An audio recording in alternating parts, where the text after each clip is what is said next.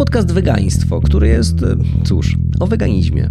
Nazywam się Adrian Sosnowski i stopniowo będę odsłaniał przed Tobą kulisy bycia wege. Jeśli ciekawi Cię, z czym to się je i nie tylko je, zapraszam do wysłuchania kolejnego odcinka pod tytułem Co z tym zakazem futer? Tym podcaście od początku dużo rozmawiamy o fermach przemysłowych, o diecie, trochę o podróżach. Często pojawia się też kwestia zwierząt tak zwanych hodowlanych, ale do tej pory nie poruszaliśmy prawie wcale sytuacji zwierząt hodowanych na futra i całego przemysłu futrzarskiego. To jednak zaraz się zmieni, bo moją gościnią jest Malwina Malinowska, koordynatorka kampanii Jutro będzie futro Fundacji Viva. Malwino, witam cię serdecznie w wegaństwie. Cześć, witam również. Bardzo się cieszę, że udało nam się spotkać. Widzieliśmy się ostatnio e, na Marszu Wyzwolenia Zwierząt i w zasadzie tam e, mieliśmy okazję zamienić chyba z dwa zdania dosłownie, e, ale teraz porozmawiamy o tym temacie, którym ty zajmujesz się no, na co dzień w zasadzie. Dużo razy udzielałaś tego typu wywiadów już? Myślę, że tak. Już pewnie teraz nie policzę, bo zdarza się to e, coraz częściej. W sumie całe szczęście, bo to znaczy, że i media, i inne osoby, instytucje się interesują tym tematem i chcą o tym rozmawiać. E, I ten temat jest coraz częściej poruszany i coraz częściej zdarzają się takie wywiady i rozmowa o tych zwierzętach, co jest w sumie, z czego się cieszę i co jest dobre i dla zwierząt, i dla nas. No tak, jak, jak najbardziej. E, ja Myślę, że nie będę bardzo oryginalny w niektórych pytaniach, ale po prostu pewne rzeczy muszą paść i pewne tematy trzeba wyjaśnić, więc z góry przepraszam za to, że powtórzę niektóre pytania, które już na pewno słyszałaś w poprzednich rozmowach, no ale no taka, taka to praca, nie? Jasne. Więc ja bym chciał, żebyśmy przede wszystkim porozmawiali o właśnie sytuacji zwierząt futerkowych, o tej skali hodowli w Polsce, o prognozach na przyszłość, ale do tego dojdziemy sobie na spokojnie. Zacznijmy może od samej kampanii, a w zasadzie od jej nazwy. Jutro będzie futro. Ta nazwa hmm, no, przykuwa uwagę, na pewno, nie? Ale nie mogę się oprzeć takiemu wrażeniu, że nie ma ona specjalnie pozytywnego wydźwięku. Jakby, wiesz, jutro wcale nie miało być lepiej. Jak tę waszą kampanię odbierają ludzie, którzy stykają się z nią po raz pierwszy? No nasza kampania już całkiem długo trwa. Od wielu lat już działamy o to, żeby w Polsce nareszcie zakazać tej hodowli zwierząt na futro. Dlatego no trochę zgadzam się z tym, co powiedziałeś e, o tym, że jakby jutro nie miało być lepiej. E, myślę, że cały czas w Polsce przed nami długa droga, mimo że ona już długo trwa e, do tego zakazu. Ale odnośnie ludzi, którzy spotykają się z naszą kampanią, całe szczęście coraz więcej ludzi reaguje pozytywnie i słyszymy bardzo dużo słów poparcia. Temat e, ferm futrzarskich i hodowli zwierząt na futro e, w Polsce, w naszym społeczeństwie już dziś wywołuje coraz bardziej negatywne emocje, w tym sensie, że ludzie chcą tego zakazu, E, i popierają naszą kampanię. Oczywiście nie może być tak w 100% idealnie i zdarzają się osoby, które nas krytykują i które opowiadają, że zawsze tak było i przecież zwierzęta są dla ludzi. No, my wiemy, że tak nie jest. Oczywiście nie zniechęca nas to z tymi ludźmi, staramy się na spokojnie rozmawiać, tłumaczyć na podstawie merytorycznych argumentów, pokazywać materiały z farm futrzarskich. Czasami udaje się kogoś przekonać, czasami niektórzy potrzebują więcej czasu, wiadomo, tak jak z wieloma innymi tematami, ale zdecydowana większość ludzi popiera nasze działania, podpisuje nasze petycje. E, w momencie, kiedy organizujemy jakieś stoiska, akcje uliczne, to zdecydowana większość ludzi pokazuje nam tam kciuki do góry, mówi pozytywne słowa poparcia, e, chce nas wesprzeć. Niektórzy chcą też sami przyjść na taką akcję. Także myślę, że ten odbiór mimo wszystko jest pozytywny. No to bardzo dobrze, bardzo, bardzo się cieszę z tego, ale myślę, że to może wynikać troszeczkę e, z tego, że po prostu ludzie raczej nie czują, że futra to są rzeczy pierwszej potrzeby. W sensie my nic im nie zabieramy, wy im nic nie zabieracie, chcąc e, zakazu hodowli zwierząt na futra, prawda?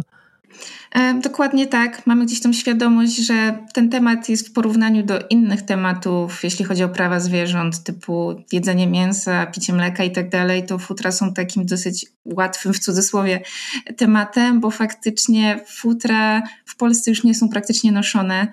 Nie mamy takiego klimatu, że musielibyśmy w tych płaszczach futrzanych chodzić. E, no i gdzieś faktycznie ludzie to krytykują. Myślę, że też dlatego, że przykład lisy, które są hodowane na futra, przypominają bardzo nasze domowe pupile, na przykład psy, i gdzieś ludzie są bardziej w stanie też się wczuć w to, jak to zwierzę się czuje, niż na przykład taka krowa czy kura gdzieś na farmie przemysłowej. E, no i fakt, jakby do tego ludzie już podchodzą od dłuższego czasu z takim no, dystansem i z tym negatywnym podejściem, trochę odmiennie niż do innych tematów, jeśli chodzi o zwierzęta.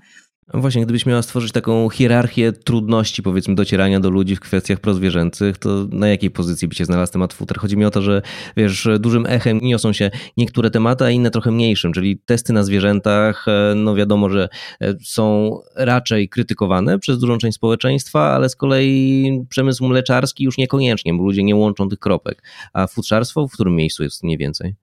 Myślę, że ten temat futrzarski jest właśnie nawet gdzieś bliższy ludziom jeszcze niż te testy na zwierzętach, a co dopiero właśnie mleko, weganizm yy, i tak dalej.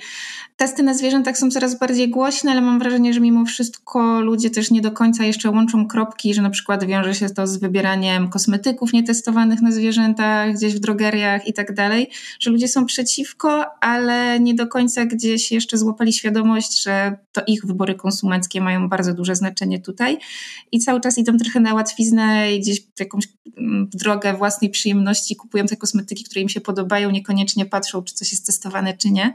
Natomiast z futrami ta świadomość już myślę się w dużej mierze ukształtowała. W Polsce u nas mało kto chce kupować prawdziwe futra. Czasami robi się to jeszcze nieświadomie, o tym też pewnie jeszcze e, będziemy rozmawiać, ale faktycznie nikt nie chce celowo już praktycznie iść kupić jakiegoś futra z lisa, z norki, z szynszyli e, i to do ludzi dociera jakby ludzie już gdzieś częściowo załapali, że to jest złe, wiedzą jak wyglądają warunki na tych fermach. Oczywiście nie wszyscy, bo też nie chcę generalizować. I, i wiadomo, że gdzieś zawsze jest jeszcze jakieś tak zwane pole do popisu i gdzieś jeszcze do tych ludzi można docierać, ale w większości tak jest, o tym też mówią statystyki, że ponad 70% Polaków jest zdecydowanie przeciwko hodowli zwierząt na futra. A to jest bardzo dobry wynik, jeśli chodzi o prawa zwierząt, bo też żyjemy w kraju, gdzie mimo wszystko te zwierzęta z reguły są gdzieś na drugim planie. Więc myślę, że mimo wszystko z tymi futrami jesteśmy na dosyć dobrej pozycji, jeśli chodzi o społeczeństwo, bo niestety inaczej jest, jeśli chodzi o polityków. No tak, ale o to za chwileczkę też Ciebie zapytam, bo mówiłaś wcześniej, że niektórzy rzucają takim argumentem, że futra były od zawsze, a ja powiem Ci, że ostatnio jak byłem u moich dziadków w odwiedzinach, to rozmawiałem z babcią o czasie, kiedy ona miała tam jakieś 30 lat e, i wtedy z koleżanką stwierdziły, że kupią sobie dwa lisy i będą je trzymać w jakichś klatkach na podwórku, podobno niektórzy przed blokiem nawet trzymali te lisy, bo podobno to był intratny biznes i nawet jeżeli by nie sprzedały tego, no to mogły mieć materiał na jakieś szale czy tam coś innego.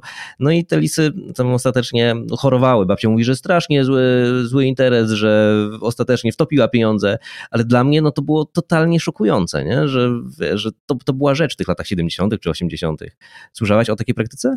My się z tym spotykamy na przykład w momencie, kiedy często piszą do nas ludzie, że mają po swoich dziadkach czy tam pradziadkach jakieś właśnie stare futra i to nawet nie koniecznie w postaci już jakiegoś płaszcza, tylko nawet po prostu takie futro prosto z jakby zaskurowanego lisa, że tak wiesz, kształt lisa normalnie to ma głowę, wszystko. E, więc głównie wtedy się z tym spotykamy, no i ludzie do nas piszą, co z tym zrobić, czy to się gdzieś może przydać, e, więc gdzieś tam wtedy się pojawia ta myśl, że skąd w ogóle takie rzeczy i że to się tyle lat temu musiało dziać i no jest to przerażające, bo całe szczęście teraz jest tego coraz mniej, ale no gdzieś takie sytuacje do nas docierają i wiadomo, że jeszcze te kilkadziesiąt lat temu nie było aż takiej świadomości, jak jest teraz, że te zwierzęta potrzebują odpowiednich warunków, że czują, cierpią, wiadomo, tak jak my teraz o tym myślimy i były trzymane w bardzo złych warunkach. Oczywiście na fermach teraz też są w katastrofalnych warunkach, ale wtedy było to jeszcze bardziej rozpowszechnione. Teraz całe szczęście gdzieś ta świadomość się poprawia i, i też liczba ferm nawet już zaczęła pomału maleć i, i za granicą i w kraju. Także myślę, że zmierzamy w dobrym kierunku, mimo tych wszystkich strasznych rzeczy, które się działy wcześniej. No właśnie, jeżeli y, bym znalazł takie futro na strychu gdzieś tam u siebie w domu, no i oczywiste, żebym nie chciał go nosić, no to co ja z nim powinienem zrobić? Zakopać gdzieś w ogródku? Myślę, że warto się ewentualnie odezwać do jakichś teatrów, takich artystycznych, e, tutaj jakichś instytucji, które czasami takich rzeczy potrzebują do jakichś przedstawień swoich e, i mogą to gdzieś jeszcze wykorzystać, bo wiadomo, tym nie będziemy raczej tego nosić, żeby też nie promować tutaj jakby tego noszenia futer, a wyrzucić też wiadomo, no, to już zwierzę i tak umarło i to futro i tak jest, więc to też jest zanieczyszczenie środowiska, e, wyrzucając po prostu taki płaszcz czy, czy inny jakieś odzież, więc no myślę, że można się przede wszystkim do takich placówek odezwać. Ja gdzieś słyszałam, że czasami takie miejsca zbierają takie rzeczy, ale no jest z tym duży problem i, i faktycznie ciężko czasami znaleźć y, jakieś miejsce, gdzie można by to oddać, bo już faktycznie to tak wyszło z mody i jest tak negatywnie kojarzone e, i właśnie z tym cierpieniem zwierząt, że już też coraz mniej osób chce to używać do czegokolwiek, co mnie w sumie nie dziwi e, i też w sumie cieszy. No tak, tak, tak. Na tym polega wasza też działalność, żeby ludzie myśleli w ten sposób. No dobra, ale e, wiesz co? Ja myślę, że my byśmy się dzisiaj nie spotkali, e, albo przynajmniej nie rozmawialibyśmy o tym, o czym rozmawiamy, gdyby pewien projekt poselski z 2019 roku został przegłosowany. Ja myślę tutaj oczywiście o piątce Kaczyńskiego. Powiedz mi proszę, jak zareagowaliście w sztabie na ogłoszenie tej piątki jak to było, jak zorientowaliście się, że to w pewnym momencie raczej się sypnie? Zareagowaliśmy, myślę, że dużym szokiem, pozytywnym szokiem, ale no byliśmy bardzo pozytywnie zaskoczeni, że ten projekt się pojawił e, i, i że, wiera, że zawiera jednocześnie tak dużo tych zapisów, bo to nie był tylko temat futer, ale też temat cyrków bez zwierząt, temat zakazu uboju rytualnego, trzymania zwierząt na łańcuchach i tak dalej. Więc tego było dużo, co nas cieszyło, a jednocześnie od początku budziło niepokój, że jest tego tak dużo, że może być faktycznie problem i byłoby aż za pięknie, gdyby to wszystko przeszło. E, więc no oczywiście byliśmy w szoku, cieszyliśmy się. Od początku przystąpiliśmy do prac, żeby e, tam promować ten projekt, przekazywać ludziom tę informację. Potem pojawialiśmy się na wszelkich komisjach w Sejmie, w Senacie, e, żeby tutaj nad jakimiś ewentualnymi poprawkami dyskutować. E, było w tym no, gdzieś dużo pracy, zapału, ale no tak jak powiedziałam wcześniej, to, że było w tym projekcie tak dużo rzeczy i wydaje mi się, że dosyć na szybko przygotowywanych, nie do końca dopracowanych, to gdzieś w dużej mierze też zgubiło ten projekt. Oczywiście odezwało się zaraz lobby futrzarskie i, i tutaj hodowcy właśnie e, zwierząt, które są zabijane rytualnie. E, no i gdzieś myślę, że ci politycy się znowu trochę kolejny raz już w sumie ugięli pod tym lobby futrzarskim i powiedzmy o tak ogólnie rolniczym, chociaż no to też nie do końca e, rolnicy. No i myślę, że gdyby na przykład byłby to sam zakaz futer bez uboju rytualnego, to miałby większą szansę na przyjęcie. Także no, była to próba, dobra próba, zawsze warto próbować i gdzieś no dużo ważnych słów ze strony polityków tutaj padło. Niestety nie dotrzymali kolejny raz swoich obietnic no gdzieś tam już potem widzieliśmy, że to się sypie, bo był coraz słabszy kontakt z tymi politykami, z ministrem Pudą, który gdzieś był tutaj taką też twarzą tej całej piątki dla zwierząt, to potem już tak nie bardzo chciał rozmawiać, więc gdzieś no było głośno, e, zrobiło się tak pozytywnie, a no niestety szybko to gdzieś się posypało. No nie zostaje nam nic innego niż dalej działać. Ta piątka jest dalej zamrożona, do niej teoretycznie można by jeszcze wrócić i myślę, że gdzieś o tym będziemy tutaj też rozmawiać, poruszać ten temat przy okazji Dnia Bez Futra, który jest za tydzień, w przyszły piątek. E, to gdzieś też mamy zaplanowane właśnie akcje uliczne, w których będziemy przypominać tutaj politykom rządzącym, zwłaszcza panu prezesowi, że no tutaj obiecał zwierzętom i tych słów nie dotrzymał. Pozostaje wierzyć, że uda się albo wrócić do tego projektu, albo do kolejnego, bo też aktualnie na nadanie numeru druku w Sejmie czeka projekt Partii Zieloni, którzy też złożyli projekt nowelizacji ustawy o ochronie zwierząt z zakazem hodowli zwierząt na futro. No i mamy nadzieję, że w końcu coś tutaj się uda ruszyć też na poziomie naszym krajowym, bo oprócz tego, że walczymy w Polsce, walczymy też na poziomie Europy. Obecnie trwa zbiórka miliona podpisów pod inicjatywą obywatelską Europa Wolna od Futer. I jeśli uda nam się ten milion uzbierać, jest bardzo duża szansa, że Komisja Europejska podejmie tutaj kroki do tego, żeby w całej Unii Europejskiej zamknąć fermy futrzarskie i to byłby dopiero czad. Także no, to pewnie, że tak. tutaj walczymy też o to teraz. Bardzo dobrze pamiętam e, tak naprawdę, co się działo wtedy u mnie, jak, jak usłyszałem o piątce, bo też byłem w szoku, nie? że wiesz, to wyszło to z nienacka, zupełnie, wiesz, nikt o tym wcześniej nie mówił, a tutaj nagle e, tego typu historia. Ja byłem, pamiętam wtedy na szlaku w górach, słuchałem sobie wiadomości i myślę, kurczę, no niesamowite, że rząd, który robi tak dużo kiepskich rzeczy, przynajmniej z mojej perspektywy, e, no to zrobił coś, co ma szansę faktycznie poprawić los zwierząt. No ale to, co mnie najbardziej zasmuciło w tym wszystkim, bo to, że oni to zrobili na kolanie, to jest tam jedna sprawa, ale najbardziej zasmuciło mnie to, że politycy z, w sumie z każdej ze stron byli bardzo mocno zachowawczy i bardzo przeciwni wszystkiemu. Jakby bycie w opozycji do, do PiSu e, było najważniejsze, a sama sprawa się niespecjalnie liczyła. Może to nie był czas na tego typu projekty po prostu. No ja myślę, że e, politycy lubią często powtarzać, że to nie jest czas na jakieś działania, nie ma czasu na prawa zwierząt, nie ma czasu na prawa kobiet. Tak ciągle słyszymy takie slogany. Ale no, ten czas był. Jeśli się chce mieć ten czas, to zawsze można wprowadzić jakieś przypisy, zwłaszcza, że wiemy, że nasza obecna partia rządząca jak chce, to potrafi i potrafią znaleźć dobry czas i wtedy nic ich nie może zatrzymać.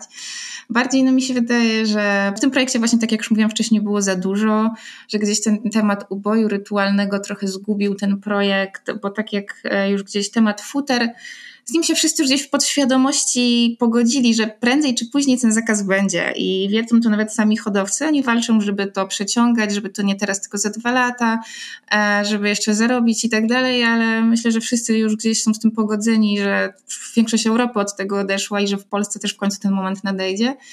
No ale gdzieś wydaje mi się, że właśnie inne zapisy tego projektu i to, że był mimo wszystko napisany tak na kolanie i e, wiele kwestii tam wymagało doprecyzowania i poprawek, to trochę utrudniło, zamotało tę całą sytuację.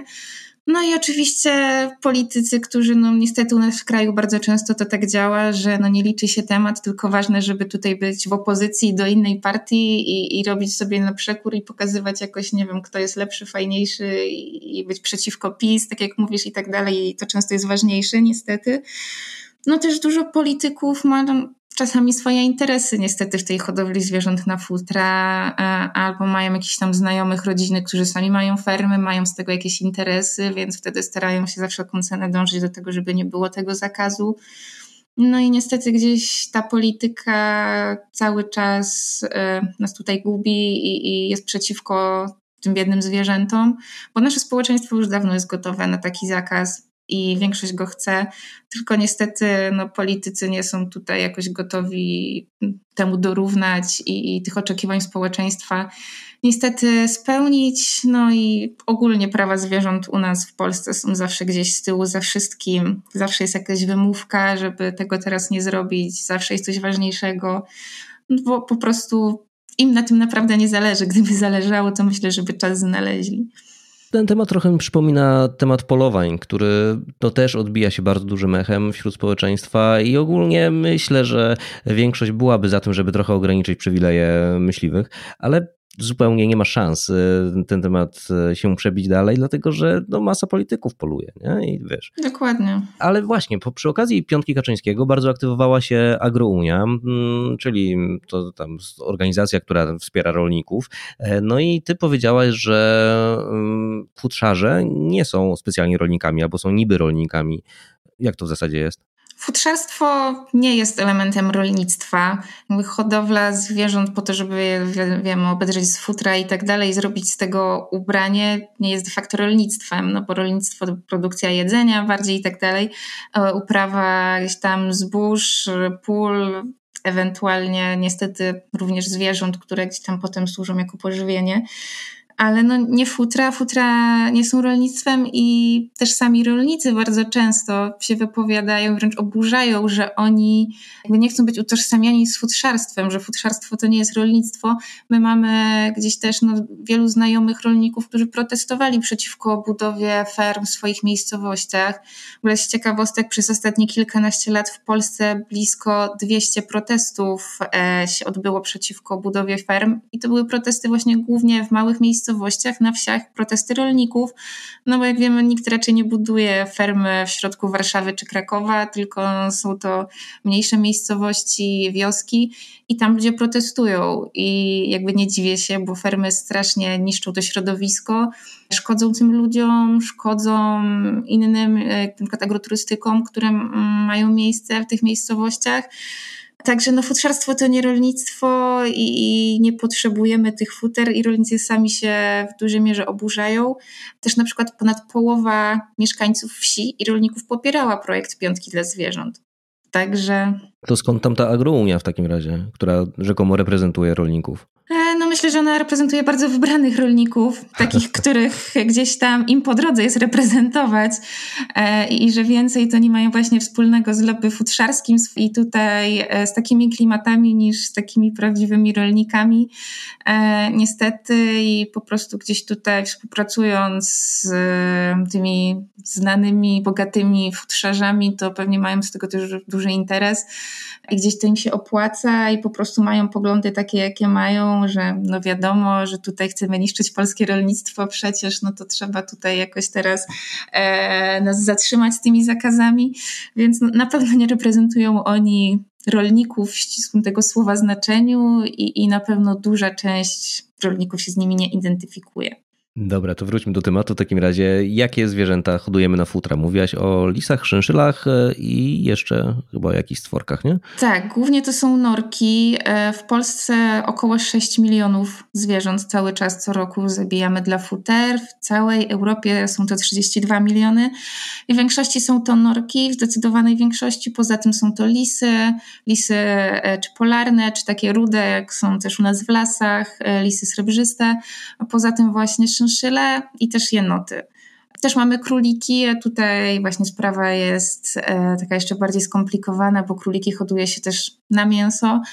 I niestety nie ma takiego stricte rozróżnienia, jakby która ferma jest na mięso, która jest na futro, bo de facto można jedno i drugie z jednego miejsca uzyskać, więc większość e, tych zakazów, które gdzieś się pojawiają w planach, nie obejmuje królików, bo de facto musielibyśmy zakazać też hodowli królików na mięso, a to już wiadomo, gdzieś tam mogłoby się spotkać z jakimś oporem. Czy wiesz, jak dla mnie nie ma problemu, zakazujmy hodowania królików na mięso, naprawdę i myślę, że... Dla, dla nas, no. dla nas też nie ma problemu, ale niestety no, chyba aż tak jeszcze rewolucyjne nasze społeczeństwo nie jest. No wiesz, no, myślę, że Polacy nie jedzą za często mięsa królików.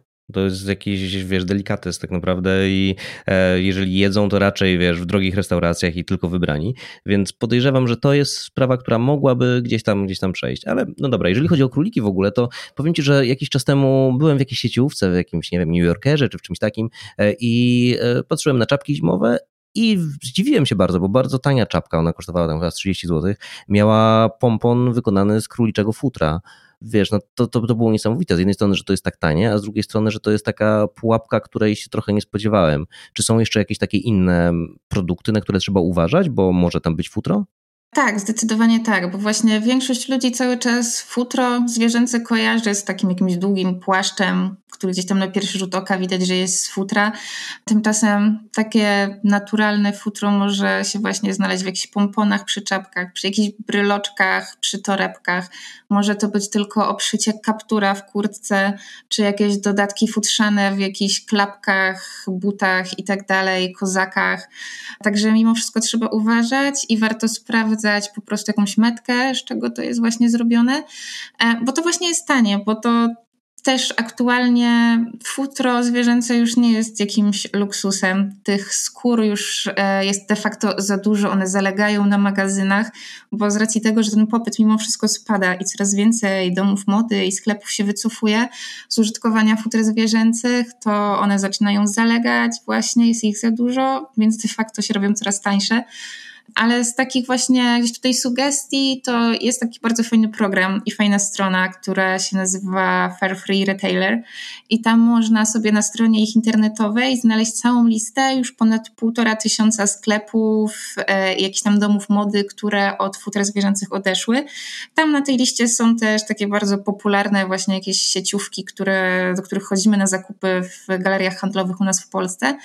E, także jak nie jesteśmy pewni, to można sobie tam bardzo łatwo wejść, sprawdzić e, i być pewnym, że w tym, a w tym sklepie po prostu nie będzie w ogóle takiego futra zwierzęcego, bo ten sklep się wycofał i to pewnie też gdzieś nam zakupy, myślę, w dużym stopniu ułatwi i gdzieś daje też taką fajniejszą świadomość, że robimy jednak zakupy w sklepie, który gdzieś tam się zainteresował i jak chociaż minimalnie tymi prawami zwierząt i tych futer prawdziwych już nie ma. Bo mówimy tutaj cały czas o fermach, czyli o miejscach, w których powiedzmy produkuje się futro, e, a jeżeli chodzi o zakłady przetwórstwa futra i tworzenia z niego produktów e, odzieżowych, to w Polsce to też jest temat, czy to raczej eksport? Nie, w Polsce większość e, futer jest produkowana na eksport i one są głównie do Azji eksportowane. To są Chiny, tamten Daleki Wschód, to była też Rosja. Teraz wiadomo, z racji wojny e, w Ukrainie, to gdzieś ten eksport był wstrzymany z ramienia tutaj Unii Europejskiej, ale to wszystko idzie do Azji, idzie za granicę i tam jest przetwarzane następnie właśnie w te ubrania, wszystkie jakieś tam dodatki i tak dalej, i wtedy jest ewentualnie z powrotem transportowane do Europy, do Polski i tutaj sprzedawane. Jakby w samej Polsce raczej nie, nie prowadzi tego całego przetwórstwa e, skóry, także my tutaj jesteśmy tylko tylko ja z tym eksporterem i to całe, wiadomo, cierpienie zwierząt, mieszkańców i zanieczyszczenie środowiska zostaje u nas, a te wszystkie skóry idą sobie potem do Azji. Mhm. Ile w końcu jest tych hodowców w Polsce i w ogóle ile oni PKB produkują? To są bardzo małe liczby. E, ogólnie obecnie w Polsce mamy około 300 czynnych ferm futrzarskich, e, z czego to nie znaczy, że jest 300 tych właścicieli hodowców, bo duża część tych ferm należy do dwóch największych e, hodowców norek w Polsce, do pana Wójcika i pana Gąsiorka których pewnie też kojarzysz. E, także e, hodowców wcale nie jest tak dużo, tak samo jak nie ma tak dużo pracowników, bo futrzarze lubią powtarzać, że oni tyle miejsc pracy stwarzają i tam się już jakieś kosmiczne liczby pojawiały, że 50 tysięcy i tak dalej. Tymczasem ostatnio były już znaczy ostatnio, parę lat temu w sumie były statystyki według Ośrodka Badań Społecznych i Ekonomicznych, że te parę lat temu to było nie więcej niż 4000 miejsc pracy, a biorąc pod uwagę, że co roku ta liczba ferm się zmniejsza i obecnie jest ich naprawdę kilkaset mniej niż było tam 5-7 lat temu, to obecnie tych pracowników jest na pewno jeszcze mniej. Także to są małe liczby. Tak samo jest z PKB, to jest zaledwie 8 setnych polskiego PKB, 16 setnych polskiego eksportu. Także to są bardzo niewielkie liczby wiadomo, że zawsze jakieś są, ale no musimy gdzieś tutaj, czy nie my, tylko w sumie rządzący, gdzieś postawić na szali, czy mimo wszystko te naprawdę malutkie liczby w skali tam innych sektorów eksportu i tak dalej. I na drugiej szali jakby położyć cierpienie tych zwierząt, mieszkańców wsi i tak dalej, to, to czy jakby to te niewielkie kwoty tutaj są tego warte. No myślę, że to jest koszt, który jako rozwinięte społeczeństwo po prostu powinniśmy ponieść. No wiesz, no to jest tak samo jak zwalczamy przestępczość. No, są pewne rzeczy, które nas kosztują, ale to jest moralnie dobry wybór, nie? Więc wiesz, więc tyle. A właśnie Polska Polską, ale co z fermami w Europie? Jak wypadamy na tle innych krajów? No, wypadamy kiepsko, niestety. Tak jak e, w innych różnych rzeczach, jesteśmy praktycznie tutaj na szarym końcu. Ogólnie blisko 20 krajów w Europie już zakazało całkowicie hodowli zwierząt na futra. To są kraje takie jak chociażby Wielka Brytania, Włochy, Francja, Austria, ale też nasi sąsiedzi jak Czechy, Słowacja, czy potem dalej znowu Estonia, Słowenia e, i jeszcze kilka innych krajów. Tak, I te zakazy się coraz szybciej pojawiają. Także gdzieś w przeciągu ostatniego roku to było kolejne kilka krajów, które ten zakaz wprowadziło. Także tak naprawdę została Polska, Finlandia, Dania, no i gdzieś tutaj te trzy kraje niechlubnie czołują w tej liczbie zwierząt zabijanych dla futer. Dania miała teraz taki okres, gdzie u nich tam z 2-3 lata temu wszystkie norki zostały zabite z powodu COVID-a i rząd gdzieś tam rozważał, czy wracać do tej hodowli, no i niestety podjęli tą decyzję że wrócą, ale gdzieś e, wiem, że dużo hodowców e, się wycofało tutaj z tej branży, uznając ją za taką no, niepewną, że ten COVID gdzieś tam mimo wszystko dalej krąży i sytuacja się może powtórzyć, więc dużo hodowców zrezygnowało.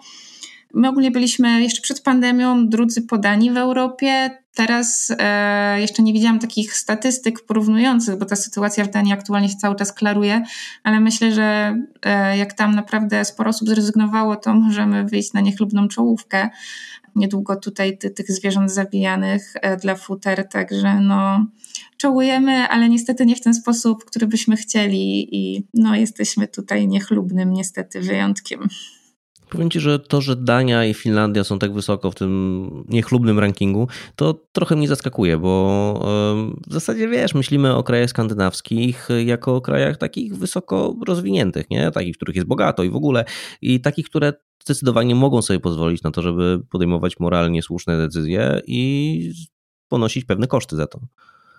Nie wiem, czy orientujesz się, skąd to tam się bierze? Czy po prostu ten przemysł jest na tyle silny, że tak to wygląda? E, no w Danii na przykład jest taka sytuacja, że oni mają zakaz hodowli lisów, jenotów, ale niestety te, te norki dalej są. To lobby hodowców norek było gdzieś pewnie na tyle silne, bo tych ferm było tak dużo, że gdzieś no rząd nie chciał się stawiać tutaj tym producentom i, i tutaj spasował, że tak powiem.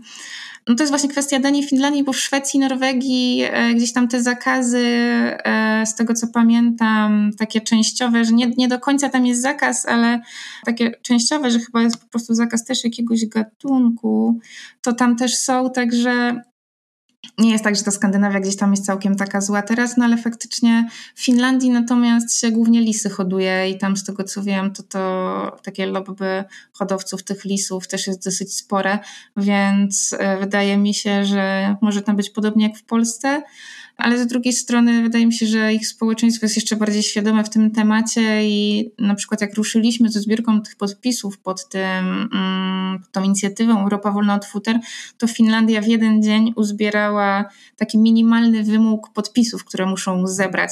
Każdy kraj ma taki minimalny próg, który ma do zebrania i oni to zrobili w jeden dzień, co się praktycznie nie zdarzy. Także ludzie tam naprawdę się postarali, żeby pokazać swój sprzeciw przeciwko tym fermom. No tak, na marginesie powiem Ci, że wiesz, jakiś czas temu zdarzyło mi się być w Finlandii na chwilkę i e, ja się dziwiłem bardzo temu takiemu dualizmowi, temu, że z jednej strony, wiesz, jest masa produktów wegańskich, że każdy zna jakiegoś weganina, nie? E, ale z drugiej strony polowania są niezwykle popularne. Z drugiej strony ci, którzy jedzą mięso, to jedzą mięso, wiesz, na poważnie, nie? Jeszcze, ale no cóż, no to, to, taki kraj, to ciężko, ciężko powiedzieć mi e, coś więcej e, o powodach. Lobby myśliwskie i myśliwi to niestety jest temat, który w wielu krajach ma się jeszcze gorzej nawet niż w Polsce, w tym sensie tym negatywnym znaczeniu, że mają gdzieś tam jeszcze więcej przywilejów niż, niż w Polsce. W Polsce już jest źle, a w innych krajach na zachodzie, które nam się potrafią wydawać bardziej takie no gdzieś tam pod kątem zwierząt lepsze, to to myślistwo wygląda jeszcze gorzej niż w Polsce, także to jest w ogóle też kolejny temat, który pewnie jeszcze gdzieś długo, długo będzie się ciągnął, żeby coś tutaj poprawić. Jak kojarzysz taką markę jak Fjallraven? Kojarzysz pewnie, nie? Bo tam oni mhm. te kankeny robią. No to właśnie to też jest marka skandynawska i oni mają całą bardzo rozbudowaną kolekcję typowo dla myśliwych. Kolekcję, która w Polsce próbowali ją tam przepychać w Polsce, ale w Polsce się nie chce sprzedawać, no bo ludziom myślistwo się kojarzy, kojarzy kiepsko, a tam chodzi po prostu jak, jak złoto, nie? No to no wiesz, taki temat. Ale to, to też margines, na marginesie zupełnie naszej rozmowy, e, więc wróćmy na chwileczkę do Polski. W sumie chyba nie tylko na chwilkę, ale już do końca zostaniemy w Polsce. Na stronie kampanii Jutro będzie futro możemy znaleźć informację, że kontrole w Polsce na fermach są nieskuteczne. Kto za nie odpowiada, za te kontrole i dlaczego one nie działają? Kontrole na fermach w Polsce przeprowadza Powiatowa Inspekcja Weterynaryjna. No i niestety, tak jak powiedziałeś, w większości przypadków one są nieskuteczne, nie działają. E, my robiliśmy kiedyś właśnie takie zestawienie danych od wszystkich inspekcji weterynaryjnych w Polsce, ile trwają takie kontrole na fermach. No i tam dane po prostu były szokujące, że na fermach, na których są setki czy tysiące nieraz zwierząt, no to taka kontrola trwa kilkadziesiąt minut no to tak sobie jak policzymy jakoś tam nawet niedokładnie w głowie szybko, no to jak mamy kilka tysięcy zwierząt i kilkadziesiąt minut, no to jest jasne, że nikt tych zwierząt nie ogląda, no bo jest nierealne, żeby obejrzeć każdą norkę czy każdego lisa, już żeby w ogóle go dobrze przebadać e, w kilkadziesiąt minut. No te kontrole często gdzieś polegają po prostu na jakimś tam przejrzeniu papierów, na zwierząt nikt nie patrzy. Czy ja nie chcę też jakby teraz tutaj mówić, że tak jest zawsze i, i wiadomo, na pewno są jakieś wyjątki od reguły i, i zdarzają się dobre inspekcje weterynaryjne, ale no niestety Większość jest taka, że gdzieś potem, mimo tych kontroli, no to jak my robimy jakieś monitoringi czy śledztwa, no to znajdujemy chore zwierzęta na tych fermach, e, zwierzęta jakieś poranione, pogryzione z jakimiś e, nowotworami i tak dalej, inne różne straszne rzeczy. Także no, często inspektorzy z powiatowej inspekcji podchodzą do tego bardziej jak tak do pracy. No, my robimy to z miłości do zwierząt. Gdzieś tam chcemy, e, żeby te zwierzęta miały jak najlepiej, żeby ten przemysł futrzarski zlikwidować. Oni pewnie mają trochę inne zadania i gdzieś tam nie podchodzą do tego aż tak, powiedzmy, radykalnie e, jak my. No tak, podchodzą do tego jak do fabryki po prostu zwykłej. No dokładnie. Rozmawiałem jakiś czas temu z Zuzanną, z lekarką weterynarii. Ona mówiła, że e, to może wynikać z podejścia do edukacji. Jak wiesz, weterynarz nie jest dla zwierząt, weterynarz jest dla ludzi, nie? No ale to, dobra. Jakby ktoś chciał posłuchać, zapraszam oczywiście wcześniej e, do wcześniejszych odcinków wegaństwa, ale my wracamy do fermy. Więc jak w rzeczywistości wygląda życie tych zwierząt? Zwierzęta na fermach żyją w bardzo małych klatkach. Te klatki to są gołe druty, one nie są niczym wyłożone. Te klatki i u norek, i u lisów mają dużo mniej niż jeden metr kwadratowy. Także to są zwierzęta, które całe swoje życie spędzają na powierzchni mniejszej niż metr kwadratowy. E, tymczasem w naturze lisy, norki zajmują olbrzymie areały. W przypadku lisa to może być kilkadziesiąt, a nawet do kilkaset hektarów. Poza tym wiadomo, te zwierzęta mają swoje potrzeby. Lisy lubią kopać, ukrywać się w norach, w ogóle uwielbiają się bawić, tak jak e, psy, koty nasze domowe. Norki są zwierzętami ziemnowodnymi, o czym mało osób wie i one, żeby móc zaspokoić wszystkie swoje potrzeby, potrzebują pływać i nurkować. Tymczasem no, na fermach nie mają możliwości realizacji żadnej z tych rzeczy. Są całe życie w klatce na jałowych drutach, nie mogą kopać, nie mogą biegać, już nie mówiąc o pływaniu i, i tak dalej. A z tego powodu często cierpią na stereotypie. To widzimy na przykład jak zwierzę bardzo długo biega w kółko, bo już po prostu ma taki nadmiar energii i tak cierpi psychicznie, że już nie wie, co ze sobą zrobić. Też tak jak mówiliśmy wcześniej, często te zwierzęta są chore, nie mają odpowiedniej opieki weterynaryjnej, no bo i tak za parę miesięcy mają zostać zabite i obdarte z futra, no to po co pieniądze na nie wydawać i je leczyć. Także no jest to bardzo przykre życie i, i za każdym razem jak gdzieś się pojawiamy w okolicy tych ferm i robimy jakąś interwencję e, czy coś, to, to jest po prostu gdzieś widok rozdzielający serce.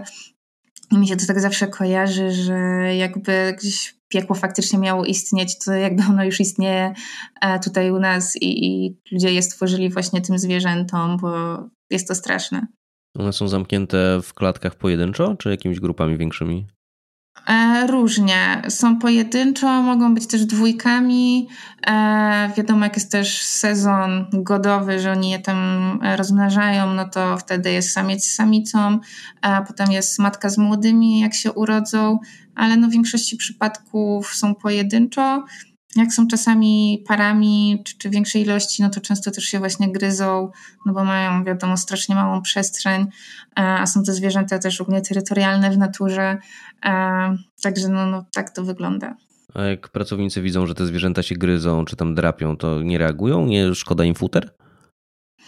Ogólnie na takich fermach, tak jak już też mówiliśmy, jest bardzo dużo tych zwierząt. To są setki, na większych fermach tysiące, e, a pracowników jest mało, gdzieś o czym też już e, wcześniej wspominaliśmy. Także to jest po prostu też nierealne, żeby oni zauważyli wszystko, co się na tej fermie dzieje, e, żeby byli w stanie gdzieś tam każde zwierzę rozdzielić, o każde zadbać. A też myślę, że czasami po prostu nie chcą, bo gdzieś tam pewnie jest to wliczone w jakieś tam straty, a jak sobie nawet jakiś tam lis łapę odgryzie, no to i tak jeszcze dużo futra zostaje przecież. No, także, no plus ci pracownicy też nie ukrywając, mają bardzo marnie płacone, e, jakby to nie jest praca marzeń i, i tak gdzieś ona obciążająca, więc pewnie tym bardziej nie chcą sobie nakładać jakichś tam obowiązków więcej niż muszą. No plus też ci pracownicy, czy właściciel nie jest tam całą dobę. Z reguły ktoś tam jest rano, jak przyjeżdża nakarmić zwierzęta, po południu, drugi raz nakarmić, a gdzieś w środku dnia, no, czy całą noc to tam nikogo nie ma, bo z reguły właściciele czy pracownicy tam obok nie mieszkają. Czasami tak, ale rzadko, no bo gdzieś to też jest taki smród i, i plagi owadów i tak dalej, że często sami właściciele nie chcą tam mieszkać obok, także... No tak, właśnie, bo tutaj przechodzimy trochę do tematu mieszkania, o którym też wspomniałaś wcześniej, w sąsiedztwie fermy. E, mówisz, że smród i plagi owadów, a to daleki obręb tych ferm e, obejmują właśnie tego typu niedogodności, powiedzmy? No to wiadomo, zależy też od pogody, od wiatru i tak dalej, ale to są, potrafią być kilkaset metrów, e, gdzie ten smród, te owady docierają i to też nie jest e, tak, jak my sobie wyobrażam, że to owady to na przykład 10 much komuś lata po pokoju, tylko to naprawdę są takie ilości, że te muchy potrafią obsiadać stoły, jedzenie, są ich ogromne ilości plus ten smród też nasila z reguły w ciepłej pogodzie, do tego stopnia, że często ci ludzie nie mogą okien po prostu otworzyć w domu, bo i te owady, i ten smród ich zamęczy. To też jest niekorzystne dla zdrowia, no bo w tych wszystkich ulatniających się tam mm, fetorach z tej fermy, no to są amoniak, siarkowodór, takie inne różne szkodliwe substancje, które powodują podrażnienie oczu, podrażnienie śluzówek, tutaj gardła, kaszel, duszności, bóle głowy. E, także to wpływa też niekorzystnie na na, zdrowie ludzi. To też jest zanieczyszczenie środowiska wokół tej fermy, to się wszystko też wiąże z tym, że na przykład ceny nieruchomości tuż przy fermie są z reguły o 50% niższe niż te chociażby tam kilkaset już metrów dalej, no bo nikt nie chce mieszkać pod samą fermą. To się wiąże też z upadkiem jakichś lokalnych agroturystyk, jakichś tam domów do wynajęcia gdzieś w jakichś ładniejszych okolicach i tak dalej, no bo kto będzie tam przyjeżdżał, jak mu będzie śmierdziało cały czas tą fermą, będzie cały czas słyszał krzyki lisów, piski norek i jeszcze pełno much mu będzie fruwać. Czyli de facto, jeżeli się dowiadujesz, że w Twojej okolicy planują budować fermę, to trzeba bardzo mocno protestować albo się ewakuować stamtąd, tak? Zdecydowanie. No dobra, tylko że wiesz, tak naprawdę to, że jest dużo much, to, że jest smród i tak dalej, że ciężko się mieszka, no to to jest jedna sprawa, tylko że to się skądś bierze, nie? Więc te warunki no, muszą być dramatyczne, skoro te kilkaset metrów dalej jest też dramatycznie. Um, a powiedz mi, bo Mówiłaś, że czasami e, lisy, no i nie tylko lisy, te zwierzaki są trzymane parami, żeby spłodzić potomstwo, czyli to znaczy, że małe futrzaki rodzą się w klatkach i one przez kilka miesięcy w tych klatkach żyją, aż są zabite, tak? No dokładnie tak. One się rodzą wiosną i całe swoje kilkumiesięczne życie spędzają właśnie w takich klatkach. To też wygląda po prostu strasznie, załamie serce, jak się patrzy, jak te małe liski, te ich małe łapki tam wpadają między te kraty i e, one nie są w stanie normalnie chodzić nawet po tych klatkach, no bo to są druty, tam szpary między tymi drutami. No jest to widok rozdzierający serce. No i potem te małe, w sumie jeszcze dzieci, te, te lisy, norki i tak dalej są gdzieś właśnie w tym okresie, w którym jesteśmy teraz, listopad, grudzień, e, zabijane. Także one mają jakieś 7-8 miesięcy i to jest całe ich życie takie krótkie w klatce, no i też kończące się okrutną śmiercią. No ja myślę, że jeżeli e, to, co właśnie powiedziałaś, nie przemawia jeszcze do kogoś, kto słucha tego odcinka, to niech sobie wyobrazi małego szczeniaczka, który właśnie żyje w takich warunkach, w okropnych warunkach, gdzie wszystko go boli, gdzie nie ma możliwości zabawy, gdzie jest głośno, gdzie jest niebezpiecznie tak naprawdę, gdzie pojawiają się choroby, e, gdzie łapy niektóre zwierzaki sobie odgryzają, gdzie jest dużo stresu bardzo. No i myślę, że to, to, to, to może, może dotrzeć bo no nie, no to jest dramatyczna sprawa. Ja mm, nawet mam problem z tym, żeby wyobrazić sobie e, taką sytuację, bo też e, czuję wewnętrznie, że wiesz, że coś się we mnie gotuje po prostu cały czas. Mhm. No dobra, ale przejdźmy dalej do tej części dalej nieprzyjemnej, jeżeli chodzi o kwestię zabijania. Wiem, że to zabijanie nie zawsze jest skuteczne. Możesz trochę więcej opowiedzieć o tym procesie? Tak. Zabijanie wygląda różnie w zależności od gatunku zwierząt też na fermie. Norki są przede wszystkim zagazowywane, czyli je się wrzuca do jakichś pojemników, gdzie tam potem się wpuszcza gaz i w ten sposób umierają. Lisy są zabijane po, przez porażenie prądem. Im się wsadza elektrody do pyska i do odbytu i, i razi prądem. No, w ogóle są straszne metody, się kojarzą z jakimiś torturami ze średniowiecza. I, I, to, że już ta śmierć sama jest okrutna, a niestety bardzo często pracownicy ferm gdzieś jeszcze bardziej się znęcają nad tymi zwierzętami. Nasi aktywiści z fundacji um, nagrywali na przykład, jak pracownicy wyciągali te norki za ogony, jeszcze rzucali nimi jak, nie wiem, workiem wiem, zmarchwią i uderzali jeszcze o ten pojemnik i potem tam wrzucali do tego gazu, te zwierzęta krzyczały, no to jest straszne. Czasami też to porażenie prądem, czy, czy to zagazowanie nie do końca będzie skuteczne i jak to zwierzę jest gdzieś tam obzierane, to nie do końca jest uśmiercone jeszcze. E, także to są straszne rzeczy, które też e, ciężko gdzieś zobaczyć i, i, nagrać, bo jak wiemy, to się wszystko dzieje za murami betonowymi z reguły na tych fermach i też nie ma określonego dnia, czy jakby kiedy wiadomo, że te zwierzęta będą zabijane. Więc to się gdzieś z reguły dzieje w, w ukryciu, ze zamkniętymi bramami i tak naprawdę wielu rzeczy, pewnie jeszcze dużo bardziej okrutniejszych, my nie widzimy. Um, także to, Czasami się udaje gdzieś nagrać i publikować e, i pokazać ludziom, jak to wygląda, ale no to są rzadkie przypadki i... Tak, i potem pojawiają się komentarze, że to wyjątek, że na wszystkich fermach jest normalnie, tak. ale akurat trafiliście na coś takiego. Nie no, dla mnie to jest no, porażająca sprawa, no, masakra jakaś i powiem ci, że tak jak niektórzy mogą mieć wątpliwości, czy mówienie o holokauście zwierząt w kontekście jakiegokolwiek chowu przemysłowego jest w porządku, bo to tam zupełnie, zupełnie co innego, to wydaje wydaje mi się, że jeżeli ogląda się tego typu materiały, no to i rozumie się skalę, to to zupełnie nie jest przesadzone określenie. Zgadzam się z Tobą. Naprawdę. Jak ktoś uważa, że jest przesadzone, to powinien to zobaczyć na żywo najlepiej. To myślę, że zmieni zdanie.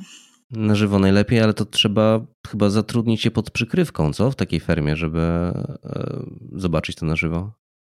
No z reguły tak. E, znaczy, no wiadomo, my się nie zatrudniamy, pewnie nikt z nas by nie wytrzymał e, tego, co tam się dzieje. My z reguły działamy na przykład poprzez to, że dostajemy jakieś zawiadomienie, czy to anonimowe, czy nie, e, że gdzieś na jakiejś fermie no, źle to wygląda, źle się dzieje i robimy jakieś interwencje wtedy z policją, z inspekcją weterynaryjną, no bo wiadomo, to wszystko musi się gdzieś tam pod obstawą służb odbyć.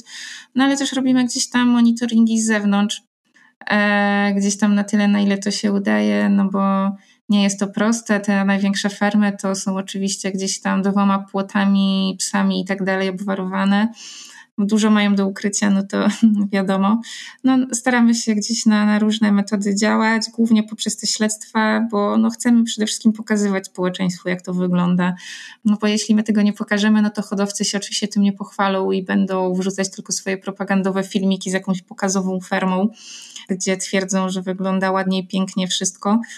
E, no a tak nie jest, także zajmuje to bardzo dużo czasu i też bardzo obciąża psychikę patrzenie na to, ale no robimy to dla zwierząt i żeby w końcu, czy teraz, czy, czy trochę później, ale żeby w końcu ten zakaz wszedł i, i żeby w końcu Polska gdzieś też w tym szarym ogonie Europie nie zostawała. Robicie też śledztwa takie właśnie od wewnątrz, bo mówię, że nikt z nas by się pewnie nie zatrudnił, nie wytrzymał, ale są ludzie, którzy są w stanie poświęcić trochę siebie, tak, i pracować w takim miejscu, żeby nagrać to, co tam się dzieje. Czy wy jako Viva wspieracie tego typu akcje, czy nie możesz powiedzieć, bo to też jest inna sprawa? No, gdzieś tam wiadomo, w szczegóły też aż takie bym nie chciała wchodzić, bo to gdzieś tam wszystko, wiadomo, cienka granica jest. My głównie robimy takie interwencje od wewnątrz już, jeśli ktoś nam to zgłosi, albo kiedy na przykład sami wypatrzymy z zewnątrz, no bo niektóre fermy są mniej chronione i powiedzmy trochę tam z zewnątrz widać e, i kiedy widzimy, że zwierzęta są w fatalnym stanie, że są chore, że coś tam się złego dzieje, no to jak już do środka wchodzimy, no to ze służbami. Także gdzieś tam raczej póki co nie robiliśmy takiego czegoś z zatrudnianiem, no, mimo wszystko ciężko znaleźć taką osobę do tego. Udaje się gdzieś działać tak, tak poza na razie, no ale też no, wiemy, że gdzieś tam akurat inne, inne stowarzyszenia Otwarte Klatki gdzieś tam taką akcję e, robiły, także no, oni też działają w tym temacie i gdzieś tutaj się trochę uzupełniamy, także dobrze, że więcej osób się tym zajmuje. A jeżeli chodzi o samą waszą kampanię, jutro będzie futro, to ile osób tam działa nad tym całym projektem? No ogólnie nasza fundacja działa tak, że mamy właśnie kampanię i te kampanie angażują się mniej lub bardziej, ale w sumie wszyscy gdzieś tam wolontariusze z Polski. Mamy swoje grupy lokalne w każdym większym mieście e, i na przykład tak jak teraz jest Dzień Bez Futra, no to gdzieś bardzo duża część tych wolontariuszy z tych wszystkich miast się angażuje w ten dzień bez futra. Nie tylko tak, że są stricte przypisane osoby do kampanii i już potem na przykład niczym innym się nie zajmują. Gdzieś jest taki podział, że te osoby się zajmują mm, właśnie teraz na przykład futrami, potem jak będą niestety za chwilę znowu sprzedaż żywych karpi, no to karpiami. Jest, gdzieś tam się, się dzielimy tą robotą. No, także i ja z jeszcze jednym kolegą koordynujemy i czuwamy nad tym wszystkim i gdzieś mamy całe szczęście dosyć sporo tych osób do pomocy i udaje nam się gdzieś tam i w Warszawie i poza Warszawą wreszcie Polski działać, także teraz będziemy robić właśnie za tydzień w Warszawie i w Poznaniu póki co akcje. Także gdzieś tam też zapraszamy do śledzenia naszych social mediów, to trochę się będzie działo.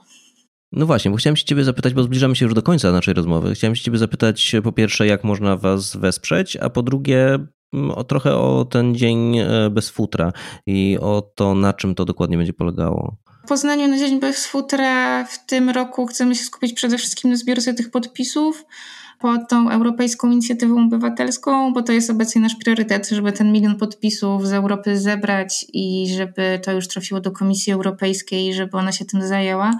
Także zbiórka podpisów. W Warszawie też będzie zbiórka podpisów, plus wcześniej będzie jeszcze jedna akcja, o której niestety nie mogę powiedzieć, ale, okay, okay. za tydzień się pojawi na social mediach, to wszyscy się dowiedzą.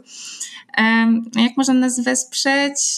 Ja zawsze mówię, że jeśli ktoś faktycznie e, chce pomóc i ma trochę wolnego czasu, to najlepiej zawsze po prostu wesprzeć jakoś swoim, swoimi możliwościami tym, żeby nawet nie jako taki stricte na stały aktywista, ale po prostu dorywczo pomóc, bo zadań jest dużo, zawsze się przyda, czy osoba, która umie grafiki zrobić, czy zredagować jakiś tekst, czy wrzucić jakieś posty na social media i, i gdzieś tam mimo tych osób de facto zawsze brakuje, ale też im jest nas więcej, tym więcej możemy zdziałać, więcej jakichś różnych akcji, stoisk, kampanii przeprowadzić.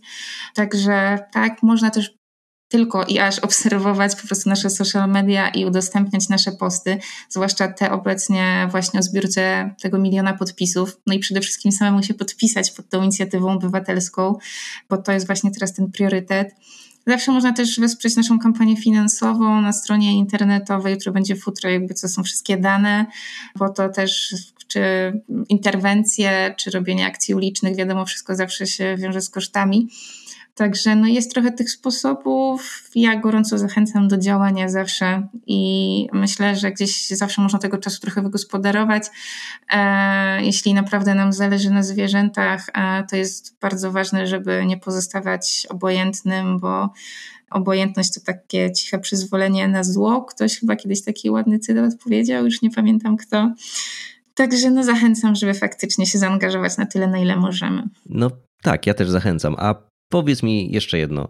Kiedy Twoim zdaniem będziecie mogli poklepać się po plecach i z dumą zakończyć całą działalność kampanii Jutro będzie futro? Kiedy w końcu będzie ten zakaz? No myślę, że niestety nie tak szybko niestety e, duże nadzieje pokładamy właśnie w tej inicjatywie europejskiej. Do maja 2023 roku zbieramy podpisy, ale to jeszcze potem trochę potrwa, zanim Komisja Europejska zweryfikuje prawdziwość tych podpisów, e, zanim rozpatrzy ten wniosek, zanim Parlament Europejski nad tym zagłosuje. To wszystko jeszcze potrwa, więc to na pewno jeszcze będzie kilka lat, zanim e, się uda ten zakaz przyjąć. Ale no, myślimy, że jest to taka największa realna nadzieja teraz. No w Polsce niedługo znowu wybory, więc pewnie nikt tego tematu tutaj tak na poważnie nie ruszy przed e, samymi wyborami. Także no myślę, że niestety trochę jeszcze będziemy musieli działać. To jeszcze na koniec, zupełnie na koniec, podpytam się Ciebie mm, o kwestie właśnie partii politycznych, bo wspominałaś, że Zieloni przygotowują projekt, czy przygotowali projekt, który czeka tam na swoją kolejkę, e, a czy jakieś inne partie gdzieś tam zahaczają w ogóle w swoich, w swoich planach o temat futrzarstwa? Ten temat się gdzieś tam trochę przed wyborami czasami przewija i są to po prostu deklaracje i obietnice że się tym zajmą, no to wiadomo z reguły bardziej ta lewa strona sceny politycznej niż prawa, e, no bo wiadomo, że mamy partie, które są całkowicie przeciwko i tam nigdy tego nie poprą, ale no gdzieś tam właśnie no ze strony jakiejś lewicy, zielonych to się pojawia, no i tutaj cieszymy się, że zieloni gdzieś tych obietnic dotrzymali i ten projekt e, złożyli, już on czeka w Sejmie, tylko no póki co tutaj e, się nikt nim nie zajął. Mm, także no, te deklaracje się pojawiają, jak robimy jakieś ankiety wśród polityków, rozmawiamy, no to oni często popierają, ale potem niestety w praktyce to różnie wychodzi. Także no, no, cieszy nas ten projekt Zielonych, zobaczymy co z tego wyjdzie, czy on w ogóle będzie ruszony. No, no i zobaczymy, no. Ciężko coś więcej powiedzieć. Zobaczymy, zobaczymy. Mam nadzieję, że będzie dobrze. Malwino, dziękuję Ci bardzo za udział w wegaństwie, mm, więc e, tak, myślę, że jeszcze kiedyś się spotkamy, żeby porozmawiać. Mam nadzieję, że spotkamy się całkiem szybko i to w momencie, w którym ten zakaz zostanie już ogłoszony. Też mam taką nadzieję i dziękuję bardzo za zaproszenie. Malwina jest koordynatorką kampanii Jutro będzie futro Fundacji Viva. E, o tym, o czym dzisiaj mówiliśmy, też e, będziecie mogli usłyszeć czy zobaczyć e, na mediach społecznościowych wegaństwa. Tam na pewno podlinkuję też petycję do podpisania i tyle. Słyszymy się w następnym tygodniu. Na razie.